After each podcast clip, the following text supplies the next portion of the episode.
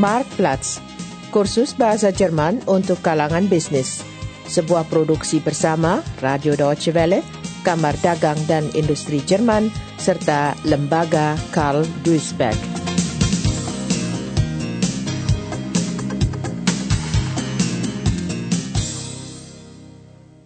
Episode 18 Pekan Raya Gedung-gedung raksasa tempat Pekan Raya Internasional Köln diselenggarakan seperti biasa penuh sesak. Piotr, pengusaha asal Warsawa, baru pertama kali datang ke sini sementara masih sebagai pengunjung untuk melihat-lihat. Tentu saja masih terlalu pagi untuk memikirkan stand sendiri.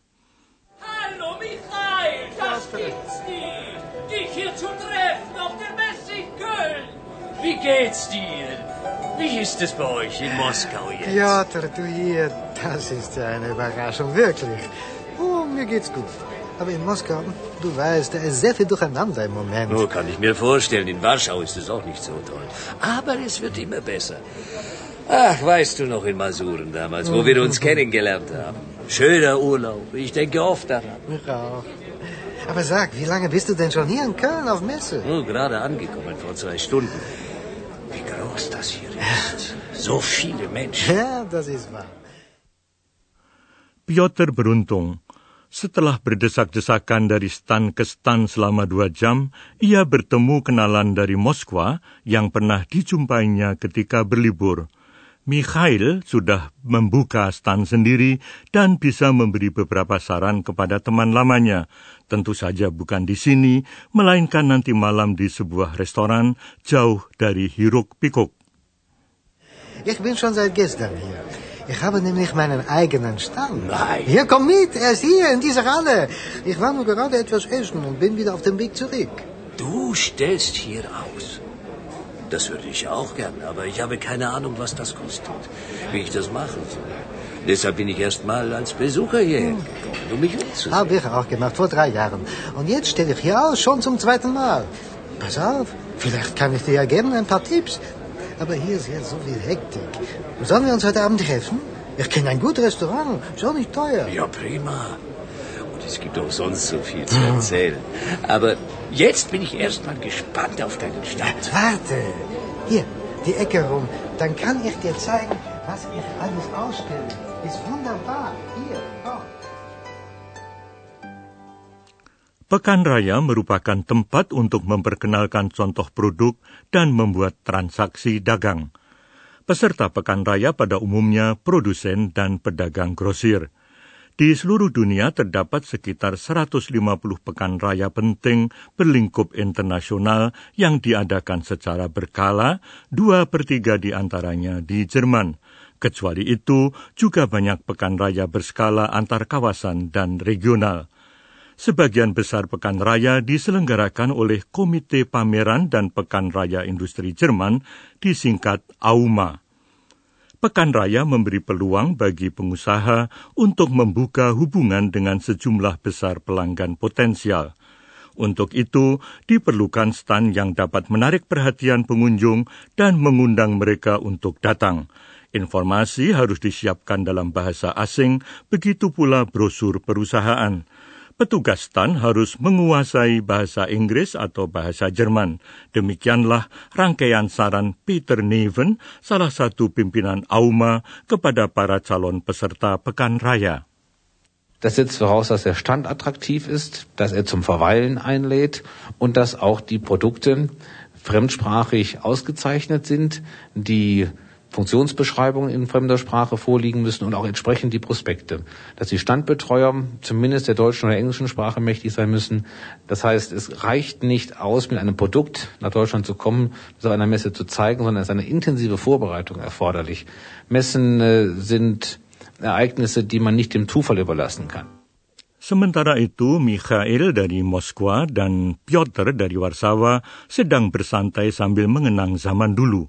Mereka tidak mempunyai alasan untuk mengeluh. Usaha masing-masing berkembang dengan baik. Selama pekan raya, Mikhail sudah banyak menjalin kontak dan menerima pesanan. Namun, Piotr belum dapat mengambil keputusan. keikutsertaan pada pekan raya begitu mahal. Orang harus datang lebih dahulu ke Jerman untuk mengatur segala sesuatu atau menelpon berjam-jam. Wünschen die Herren noch etwas zu trinken? Vielleicht später. Im Moment nicht. Jawohl, Danke. meine Herren. Das war wirklich lecker. Aber mein Bauch ist so voll. Kein Wunder. Schweinshaxe ist ja nicht gerade eine leichte Kost. Tja, ja, ja, ja. Jetzt haben wir so viel von alten Zeiten erzählt. Und ich freue mich, dass es dir so gut geht in deinem Geschäft. Danke. Und gerade auch die Messe hier läuft sehr gut. Ich habe schon viele Kontakte geknüpft und auch konkret Aufträge bekommen. Dabei hat mir auch sehr geholfen, dass ich auch schon vorher Kunden eingeladen habe, meinen Stand auf der Messe zu besuchen. Na ja, schön und gut. Aber das ist doch alles viel Arbeit und so teuer. Entweder vorher nach Deutschland zu kommen und alles zu planen. Oder vielleicht geht es ja auch am Telefon. Aber dann muss ich stundenlang mit. Deutschland telefonieren, um einen Platz zu mieten. Nein, überhaupt nicht. Piotr keliru. Sesungguhnya jauh lebih mudah. Para penyelenggara pekan raya mempunyai perwakilan di seluruh dunia. Mikhail misalnya mengatur segala sesuatu melalui kantor perwakilan di Moskwa. Seorang konsultan membantunya memilih pekan raya yang sesuai untuknya dan menyelesaikan semua urusan administrasi yakni penyiapan dokumen, penyewaan tempat di gedung pameran, dan pemesanan stand, masalah asuransi, dan kamar hotel. Du kannst alles von Warschau aus machen. Das ist so. Jede große Messegesellschaft hat überall auf der Welt Vertretungen. In meinem Fall, also hier in Köln, hat die Messe ein Vertretungsbüro in Moskau. In Moskau? Ja, und so konnte ich alles von zu Hause aus erledigen. Der Berater hat mir gesagt, welche Messe für mich in Frage kommt. Und dann hat er alles organisiert, mir alle Unterlagen gegeben, die ich brauche. Und ich habe bei ihm direkt den Platz in der Halle gemietet. Den Messestand gemietet, den Möbel für Stand gemietet, eine Versicherung abgeschlossen und Hotelzimmer buchen lassen. No, das hört sich ja ganz gut an. Und sogar den Stand gemietet. Ja, Das heißt, ich muss nicht alles aus Warschau hierher bringen. nein, kannst du, aber du musst nicht. Es ist sogar besser, erst einmal alles zu mieten. Weil dann weißt du, dass der Stand entspricht dem Standard. Der Stand entspricht dem Standard. Das heißt, er hat die richtige Beleuchtung, einen guten Teppichboden, Stiele und einen Bereich für eine kleine Kirche, die man vom Stand aus nicht sieht. Und vor allem sind das dann Stände, die man mehrfach verwenden kann. Sie sehen gut aus und sie sind besser für die Umwelt als Stände, die man nach der Messe zum Müll geben kann. Und der man hier legt großen Wert drauf. Alles muss umweltfreundlich sein. no, ist ja auch sinnvoll. Ja, Stan memang lebih baik disewa di tempat.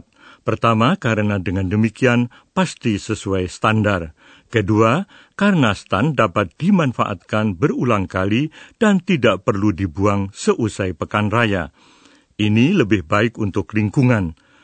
Suatu detil kecil memang, tetapi di sini aspek lingkungan sangat diperhatikan. Dalam kaitan ini, Mikhail teringat bahwa akibat kurangnya pengalaman, ia tidak menyediakan perangkat makan dari porselen pada pekan raya dua tahun yang lalu. Padahal pelanggan harus mendapat pelayanan yang baik. Ia hanya membawa piring dan gelas plastik serta minuman dingin dari kaleng. Tak ada yang berkomentar, tetapi Mikhail tak akan mengulangi kesalahan seperti itu. Banyak orang melakukan kesalahan. Hari ini Mikhail melihat bahwa salah satu peserta pekan raya membagikan lembaran fotokopi sebagai pengganti brosur berwarna. Ini memberi kesan kurang baik. Ja, aber die nehmen das sehr genau hier. Bei meinem Messestand vor zwei Jahren zum Beispiel, da hatte ich kein Geschirr aus Porzellan. Man muss den Kunden ja auch immer etwas anbieten.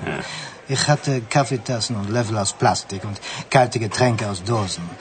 Es hat keiner direkt was gesagt, aber die Leute haben, wie sagt man, herablassend geguckt.